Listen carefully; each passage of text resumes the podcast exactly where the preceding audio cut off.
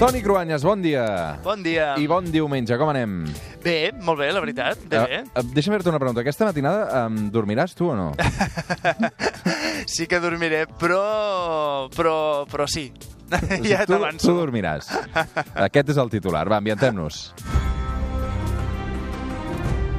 Perquè coincidint amb Setmana Santa, que això els americans no sé si ho celebren gaire, uh, aquesta matinada s'estrena l'última temporada de Joc de Trons. No sé si n'ets fan, tu, Toni. Sí, sí. A a casa el meu marit és el que va començar, però ara tots dos som fans. I sí, aquesta nit veurem el nou capítol, clar. O sigui, has vist, no te n'has perdut ni un, eh? Ni un, els he vist tots. Avui el secret i l'èxit de Joc de Trons. Quines històries hi ha al darrere amb el Toni Cruanyes?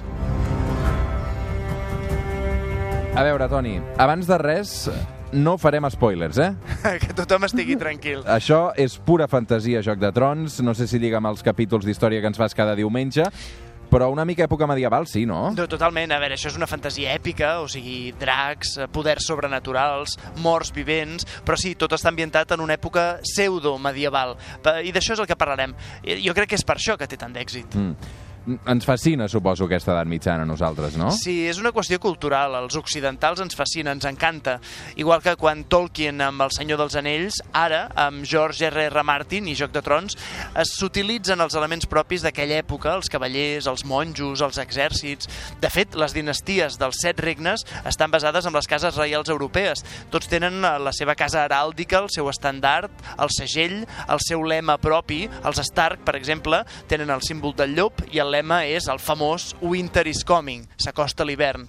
També, com les dinasties europees, estan emparentades, tenen cosins, nebots, s'entrellacen entre ells. De fet, aquesta última temporada de Joc de Trons, un dels grans misteris és com es resoldrà qui és l'hereu legítim dels Targaryen al tron de ferro, perquè la parella dels bons, perquè ens entenguem, mm. -hmm. la Daenerys i el Jon Snow, de fet, són tieta i nebot, i ells encara no ho saben.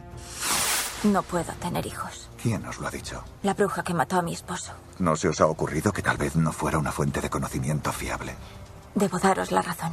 De haber confiado en vos todo habría sido distinto.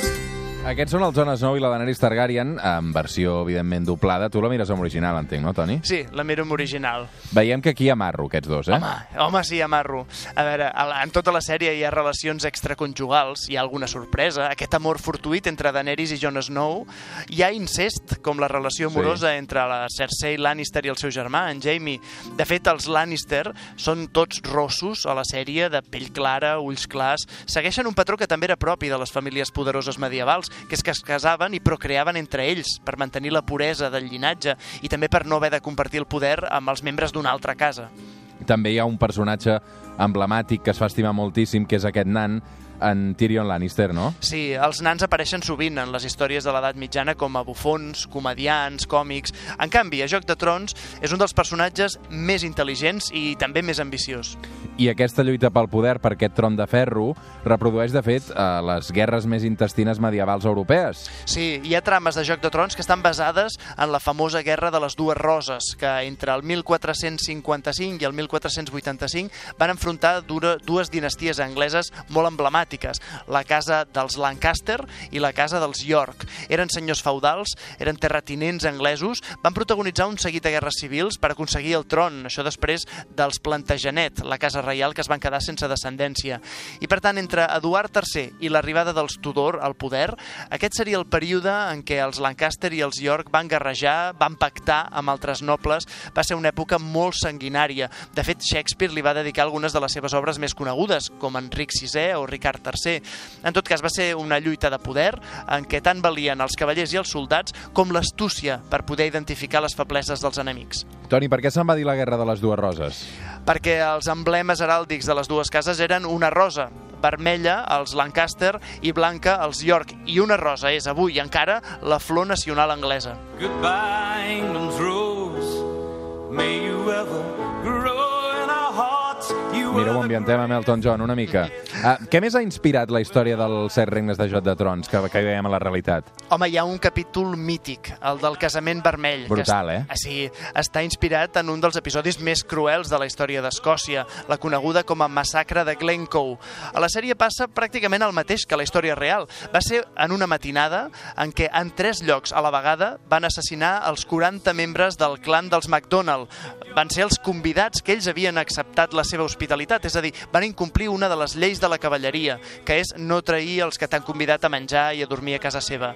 En l'episodi del casament vermell de Joc de Trons passa justament això. Maten degollats a tots els membres de la família Stark que hi assisteixen. Lord Walder, ya basta. Poned fin a esto. Por favor. Es mi hijo, mi primogénito. Soltadlo y os juro que olvidaremos todo. A Joc de Trons hi ha coses més o menys reals, però el que no trobarem a cap llibre d'història és l'exèrcit d'homes morts, els dracs que volen, que també forma part d'aquesta fantasia i d'un pes molt important de la trama, eh? Sí, però sí que en el món medieval hi ha empaltat tots aquests personatges mitològics que avui encara formen part del nostre imaginari històric i cultural. Vaja, per Sant Jordi celebrem un drac, no i un cavaller. Sí. Ens fascinen els contes de cavallers, tenim castells, edificis religiosos medievals que visitem, que són de fet la principal font de turisme a casa nostra. La religió cristiana ens va entendre aquesta època i també els grans mm, països, les cultures occidentals, basen els seus mites fundacionals de les nacions europees en l'època de l'edat mitjana. És a dir, que els cavallers, els castells, les victòries militars contra els països veïns són períodes històrics que en la nostra educació s'han glorificat. Per tant, és normal que ens agradin tant. Igual que passa amb Joc de Trons, més enllà de les fronteres de Terra de Ponent, el desconegut són el món dels morts, al nord, o els salvatges del desert, al sud, i de fet és així com els europeus de l'edat mitjana veien el món. Abans de saber que era rodona, més enllà del mar, més enllà de les fronteres conegudes, creien que hi havien monstres. Avui no ens perdrem Joc de Trons, aquesta estrena. Mama was queen of the mambo, Papa was king of the Congo. Deep down in the jungle, I stopped Veurem qui agafa el tro, qui aconsegueix aquest tro. Avui la història va de Reis. Acabarem amb aquest uh, Manu Chao, uh, King of the Bombo, diu. Uh, crec que la cançó és Bongo Bongo, um, però, en fi, uh, ho hem il·lustrat d'aquesta manera. Um, tu dormiràs, eh? Vull dir que el recuperarem sí, demà. I crec que la veuré demà, exacte. Molt bé. Toni, una abraçada ben forta, que Bona tinguis bon diumenge. Santa, igualment, exacte. igualment. Fins al que vagi bé.